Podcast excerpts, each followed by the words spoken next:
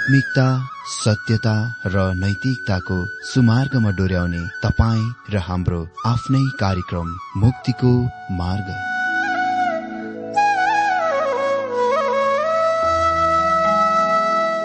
आदरणीय श्रोता यस मुक्तिको मार्ग कार्यक्रममा हार्दिक स्वागत छ। आशा छ यस आत्मिक कार्यक्रमद्वारा जीवनमा आत्मिक आशिष अलौकिक शान्ति र आनन्द प्राप्त गर्नुहुनेछ। र जीवनमा धन्य अनुभव गर्नुहुनेछ। आउनुहोस् श्रोता। मन र आत्माको तयारीको लागि यो मिठो अनि मधुर भजन गीत सुनौ।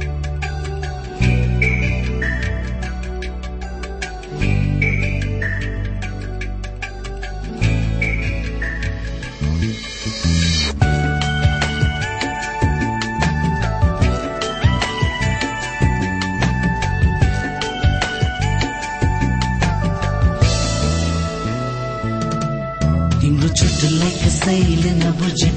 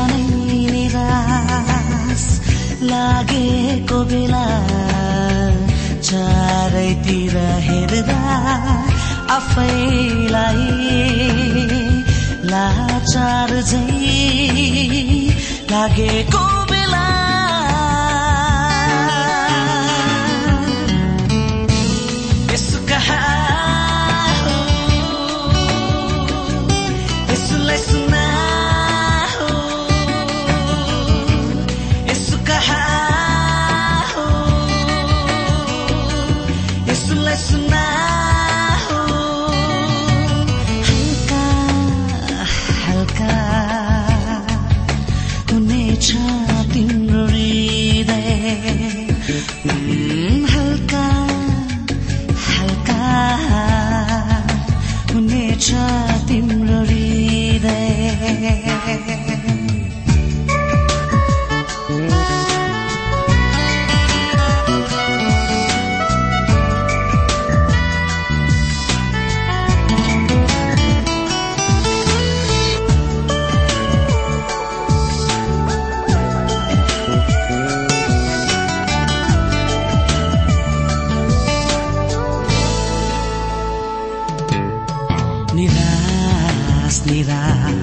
होइन। तिम्रो लागि आशा छ। संसारले झै होइन तिमीलाई प्रेम गर्ने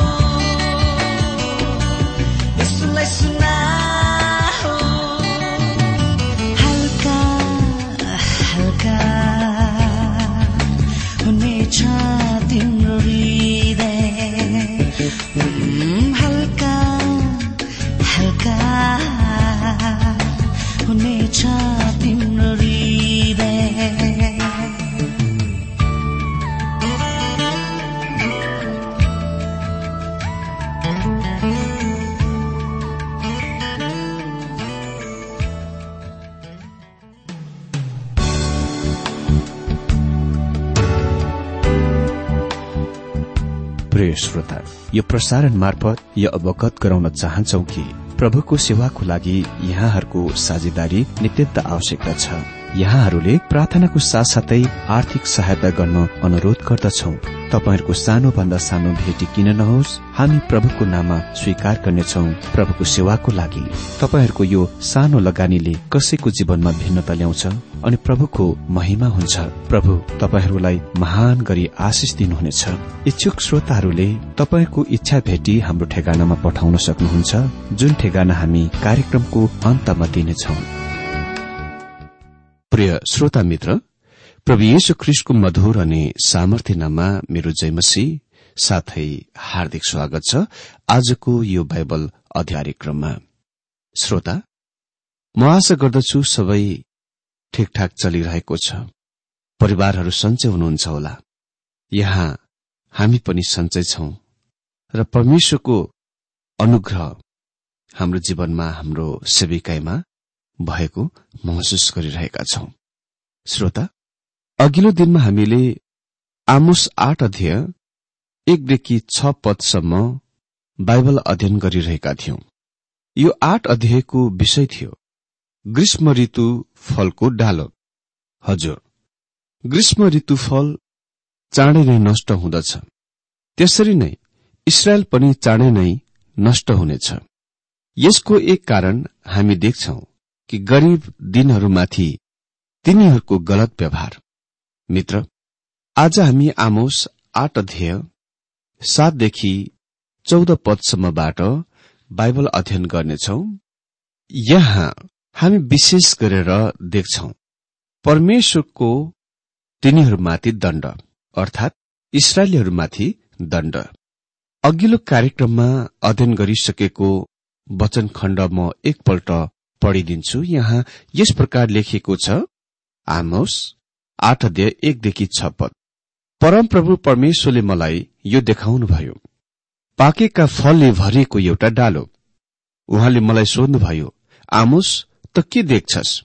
मैले जवाब दिएँ पाकेको फलले भरिएको एउटा डालो। तब परमप्रभुले मलाई भन्नुभयो मेरो प्रजा इसरायलको लागि समय पूरा भएको छ।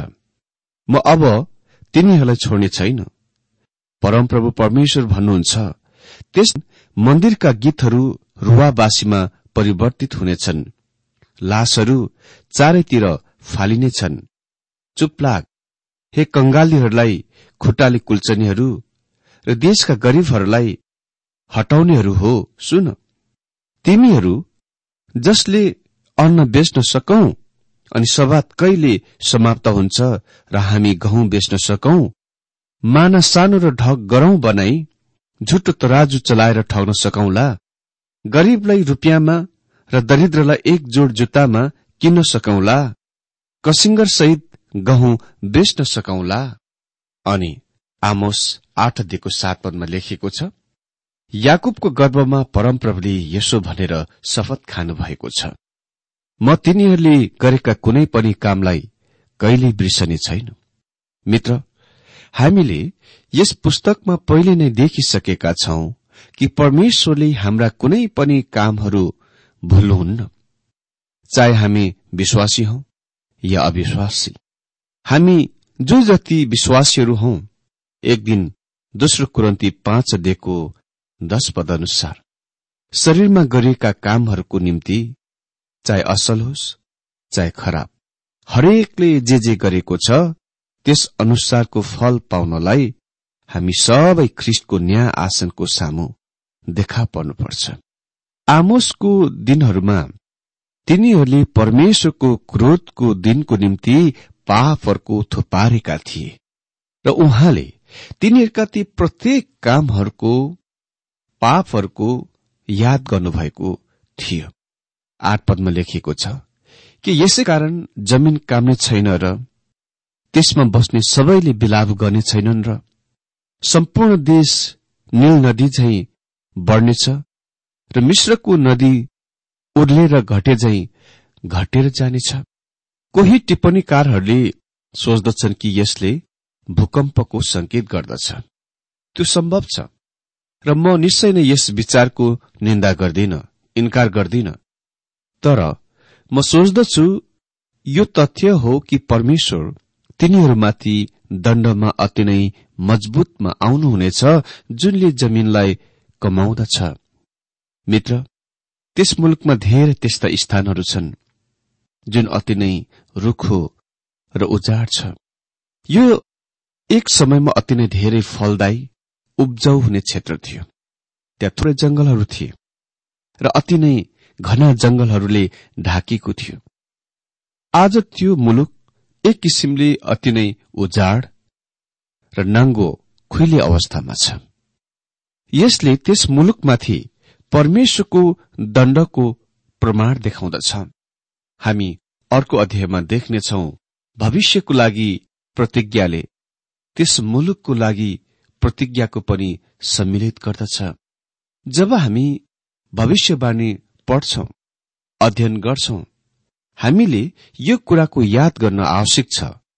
चाहे परमेश्वरले दण्डको वा आशिषको प्रतिज्ञा गर्नुभएको होस् त्यसमा मानिसहरूका साथसाथै जमिन वा मुलुकको पनि सामेल भएको छ। यो नै एक कारण हो कि वर्तमान दिनमा केही इसरायलीहरू आफ्नो मुलुकमा फर्किआउने कुरा भविष्यवाणीको परिपूर्णता हो भन्ने विचारको म स्वीकार गर्दिन। यद्यपि तिनीहरू शारीरिक तवरमा आफ्नो मुलुकमा फर्किए तापनि तिनीहरू आत्मिक रूपमा प्रभु कहाँ फर्केका छैनन्। यो बिल्कुल स्पष्ट छ कि परमेश्वरको आशिष आज त्यहाँ कति पनि छैन। यो सत्य हो कि त्यो मुलुकमा तिनीहरूले अति नै ठूलो मेहनत र परिश्रम गरेका छन्। धेरै सुक्खा ठाउँहरूमा मरुस्थल ठाउँहरूमा सिँचाइ पुर्याएका छन्। र धेरै ठाउँहरूमा वृक्षरोपण गरेका छन् र त्यस मरुस्थललाई पनि तिनीहरूले केही हदसम्म हराभरा पारेका छन्। तर यो केही सीमित स्थानहरूमा मात्र सीमित छ। अझै त्यहाँ ठूलो क्षेत्रहरू नाङ्गाई र उजाड अवस्थामा छन्। त्यसकारण यो भन्न सकिँदैन कि यी महान भविष्यवाणीहरू पूरा भएका छन्। इसरायलीहरूको अन्तिम फर्काई अहिलेसम्म वास्तवमा पूरा भइसकेको छैन। भन्नु नै पर्दा अमेरिकाको न्यूयोर्क शहरमा मात्र पूरा इसरायलभरि रहने यहुदी संख्याभन्दा धेरै यहुदीहरू छन्। नौपद परमप्रभु परमेश्वर भन्नुहुन्छ त्यस दिन म सूर्यलाई मध्य दिनमा अस्त दिनेछु र उज्यालो हुँदै पृथ्वीलाई अध्यारो पारिदिनेछु। अहिले आमोस यहाँ त्यो दिन वा त्यस दिनको बारेमा बोलिरहेका छन् जुन हामीले पहिले अघि नै देखिसकेका छौं। यो पाराभाषिक कथन हो जुनले महाक्लेश कालको संकेत गर्दछ किनभने त्यो पहिलो आउँदछ। जबसम्म इसरायलको सम्बन्धमा सवाल छ यो दिन रातसँग शुरू हुन्छ। आमुसले निकट भविष्य र अति नै टाढा दूरीमा रहेको भविष्यवाणीको मिश्रणको दिन छन्। परमप्रभुको दिन अहिलेसम्म आइसकेको छैन। सूर्य मध्य दिनमा अस्ताएको छैन। न पृथ्वी दिउँसै सूर्यको उज्यालो नपाई अन्ध्यारो भएको छ। जब आमोसले यो लेखे यो अझै टाढा दूरीको भविष्यमा थियो। अहिले आमोस इसरायलको लागि धेरै तत्कालीन भविष्यतिर फर्कन्छन् जुन तत्काल घट्ने थियो। दश पदमा भन्छन् म तिमीहरूका धार्मिक चाडहरूलाई बेलापमा र तिमीहरूका सबै गीतहरूलाई रोवाईमा परिवर्तन गरिनेछु। म तिमीहरू सबैलाई भाङ र लाउन र कपाल खौराउन लगाउनेछु। एउटै मात्र छोराको निम्ति विलाप गरे झै त्यस समयलाई तुल्याउनेछु। त्यसको अन्त्य तितो हुनेछ। म तिमीहरूका चाडहरूलाई विलापमा परिवर्तन गरिदिनेछु। परमेश्वरले इसरायललाई सात चाडहरू दिनुभएको थियो। सात विभिन्न पर्वहरू। इसरायलका पुरूषहरू उहाँको सामुने ती तीन महान चाडहरूको लागि आउनु पर्दथ्यो। तिनीहरू खुशी हर्ष र आनन्द साथ आउनु पर्थ्यो। त्यो परमेश्वरलाई स्तुति प्रशंसा र महिमा गर्ने समय थियो। अहिले परमेश्वर भन्नुहुन्छ जब तिनीहरू चाडहरूका उत्सव मनाइरहेका थिए तर परमेश्वरलाई स्तुति प्रशंसा चाहिँ नदिएकोले गर्दा उहाँले तिनीहरूका चाडहरूलाई बेलापमा बनाउनेछ। तिमीहरूका सबै गीतहरूलाई बेलाउनमा परिवर्तन गरिदिनेछु। जब परमेश्वरको दण्ड तिनीहरूमाथि खस्नेछ त्यहाँ कति पनि हर्ष आनन्द हुने छैन। खालि विलाप मात्र हुनेछ। म तिमीहरू सबैका कम्मरमा भाङ्रा बाँध्न र कपाल खौरिन लाउनेछु। र यस विलापलाई एउटै मात्र छोराको निम्ति विलाप गरे झै तुल्याउनेछु त्यो दिन एक ठूलो विषादको दिन बन्नेछ सबैको कम्मरमा भाङ्रा बाँध्ने कुरा र कपाल खौरिने कुरा अति नै ठूलो गम्भीर र गहिरो विलापको शोकको संकेतहरू हुन्। यो अक्षरस जिउको त्यो त्यो दण्डमा पूरा भयो जुन तिनीहरू कहाँ वर्तमानमै आउने थियो। एघार पदमा लेखिएको छ परमप्रभु परमेश्वर भन्नुहुन्छ यस्ता दिनहरू आउँदैछन् जब म देशमा अनिकाल ल्याउनेछु। जुन चाहिँ न त अन्नको अनिकाल न पानीको तिर्खा हो तर परमप्रभुको वचन सुन्ने तृष्णाको अनिकाल हुनेछ। यहाँ एक असामान्य अनिकाल छ। परमेश्वरले तिनीहरूलाई आफ्नो वचन दिनुभएको थियो र तिनीहरूले यसको इन्कार गरे तिनीहरूले यसको घृणा गरे र यसबाट टाढा तर्की गए। अहिले परमेश्वरले तिनीहरूलाई भन्नुहुन्छ त्यो दिन आइरहेको छ जब तिनीहरूसँग परमेश्वरको वचनको सुन्ने कुराको कति पनि अवसर पाउने छैन। परमेश्वर कुनै पनि व्यक्ति वा मण्डली कलिसियालाई भन्नुहुन्छ यदि उहाँले तिनीहरूलाई आफ्नो वचन दिनु भएपछि पनि तिनीहरू हुँदैनन् भने उहाँले त्यसको तिनीहरूबाट हटाउनुहुनेछ। अनि हामी यो कुरा भइरहेको पश्चिमेली मुलुकहरूमा देख्छौ। त्यहाँ परमेश्वरको वचनको इन्कार र अस्वीकार भइरहेको छ। धेरै मण्डलीहरू स्वतन्त्रवाद उद्धारवादतिर फर्किएको छ र परमेश्वरको वचन कति कति पनि प्रचार गरिँदैन। त्यहाँ परमेश्वरको वचनको अकाल आएको छ। त्यहाँ ठूला ठूला मण्डलीहरू परमेश्वरको वचनदेखि हटिसकेका छन्। संसारिकता भौतिकवाद र अन्य दर्शन शास्त्रहरूले तिनीहरूमा स्थान पाएको छ। आज वास्तवमा भन्नुपर्ने हो भने ती पश्चिमेली राष्ट्र र हाम्रो आफ्नै राष्ट्रमा पनि विश्वासीहरूको बीचमा पनि बाइबल अति नै कम पढिन्दछ अति नै कम अध्ययन गरिन्दछ। यो सत्य हो कि बाइबल संसारमा सबभन्दा धेरै बिक्री हुने पुस्तक हो? तर यो पनि सत्य हो कि यो अति नै कम पढिने पुस्तक पनि हो? अरू त के? विश्वासीहरू पनि यसको पढ्न चाहँदैनन्। किनकि यसले तिनीहरूको जीवनबाट केही कुराको माग गर्दछ। यसले पवित्रताको आज्ञाकारिताको माग गर्दछ। यसले पापको निन्दा गर्दछ जुनको हामी छोड्न चाहँदैनौ। त्यसकारण धेरैजना वचनका पढ्न र सुन्न चाहँदैनन्। एघार पदमा लेखिएको छ परमप्रभु परमेश्वर भन्नुहुन्छ यस्ता दिनहरू आउँदैछन्। जब म देशमा अनिकाल ल्याउनेछु जुन चाहिँ न त अन्नको अनिकाल न पानीको तिर्खा हो तर परमप्रभुको वचन सुन्ने तृष्णाको अनिकाल हुनेछ।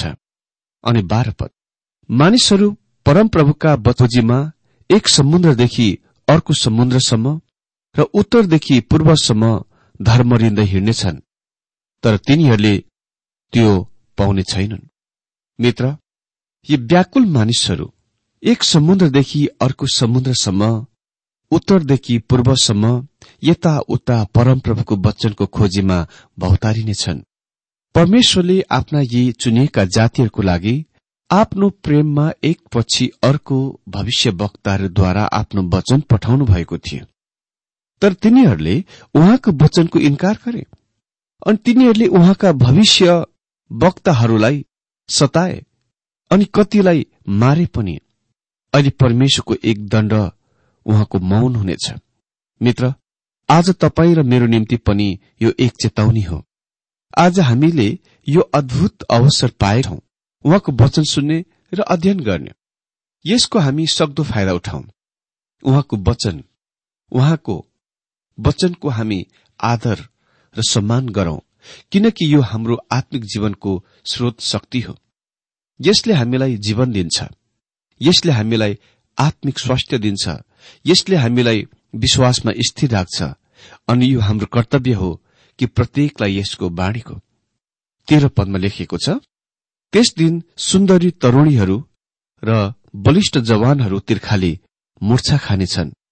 हेर्नुहोस् जवान तरूणी केटी र केटाहरू परमेश्वरको वचनको पछि तिर्खाको लागि मूर्छा खानेछन् चौध पदमा लेखिएको छ सामर्यको शर्मको नाममा शपथ खाने अथवा हेद तेरो देउता जीवित भए झै वा बिर्सेबको देउता जीवित भए झै भन्नेहरू सबै लोट्नेछन् र फेरि कहिले उठ्ने छैनन्। मित्र त्यो तिनीहरूका आफ्ना देवताहरूको नाममा शपथ खाने तिनीहरूको एक प्रथा वा रीति थियो। त्यस मुलुकभरि प्रतिमाहरूले भरिएको थियो। त्यहाँका मानिसहरू यसमा पूर्ण रूपमा फर्किसकेका थिए। जीवित र सत्य परमेश्वरलाई त्यागेर। त्यस प्रकारको निज प्रकारको प्रतिमा पूजाको लागि र अन्य पापहरूको लागि अधर्महरूको लागि तिनीहरूमाथि परमेश्वरको दण्ड आएथ्यो परमेश्वर तिनीहरूलाई भन्नुहुन्छ तिनीहरू लोट्नेछन् र फेरि कहिले पनि उठ्ने छैनन्। यसले उत्तरी राज्य इसरायलको स्थायी सदैको निम्ति पतनको संकेत गर्दछ। उत्तरी राज्यको दश कुलहरू कैदमा गइरहेका छन् र तिनीहरू कहिले पनि उत्तरी राज्य इसरायलको रूपमा आफ्नो मुलुकमा फर्किआउने छैनन्। जब तिनीहरू भविष्यमा आफ्नो मुलुकमा वापस फर्किआउँछन् तिनीहरू बाह्र कुलहरूको भाग वा अंशको रूपमा आउनेछन्। परमेश्वरले आजको यो बाइबल अध्ययनमा हरेकलाई धेरै धेरै आशिष दिनुभएको होस्।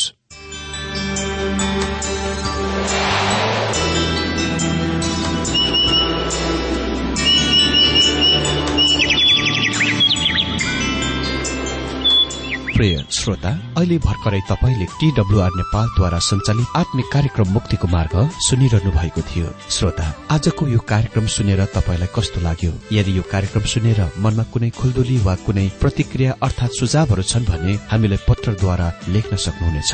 हामी हृदयदेखि नै स्वागत गर्नेछौ स्वीकार गर्नेछौ साथै बाइबल सम्बन्धित प्रचारहरू कार्यक्रम सारणीहरू हामी अनुरोधमा पठाउन सक्छौ। अनि तपाईँसँग कुनै प्रार्थनाको विषय छन् भने हामीले तपाईँको लागि प्रार्थना गरेको चाहनुहुन्छ। चाहनुहुन्छ भने प्रभुमा आफ्नै परिवार सम्झेर हामीलाई पत्रमा लेख्न सक्नुहुनेछ।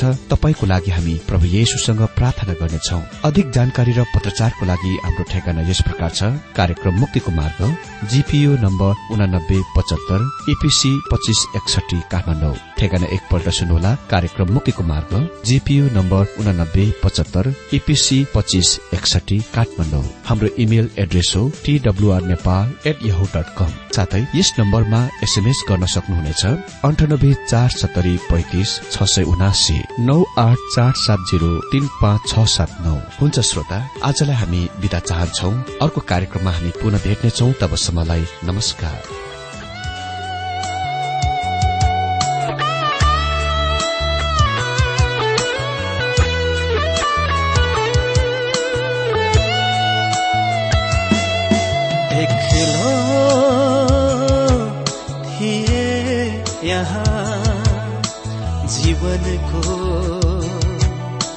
आशै थिएन केवल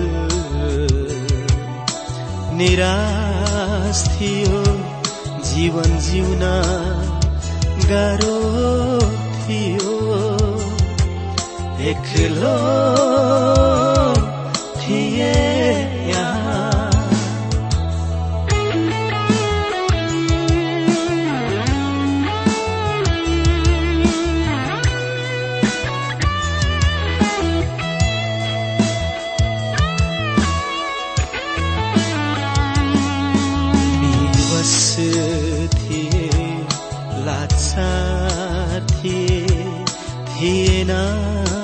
कतै कुनै सहारा।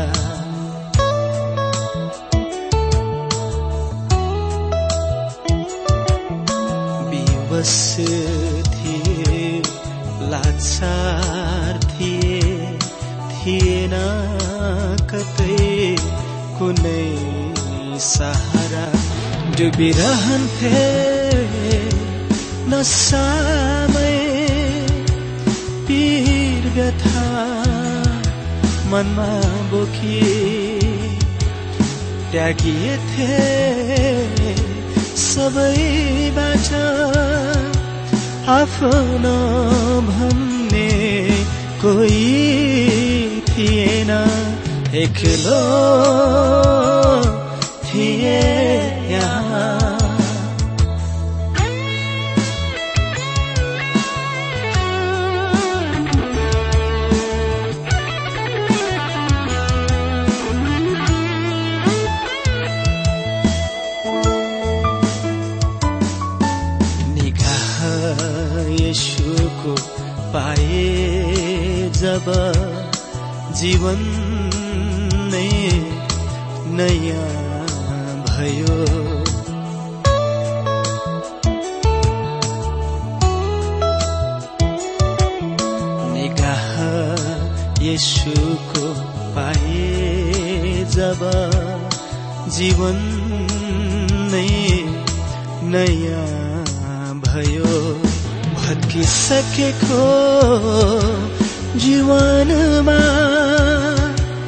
खुसीको बहार फेरि छायो।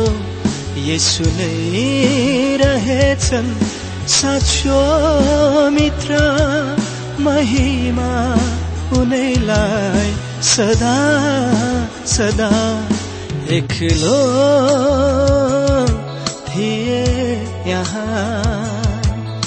जीवनको आशै थिएन केवल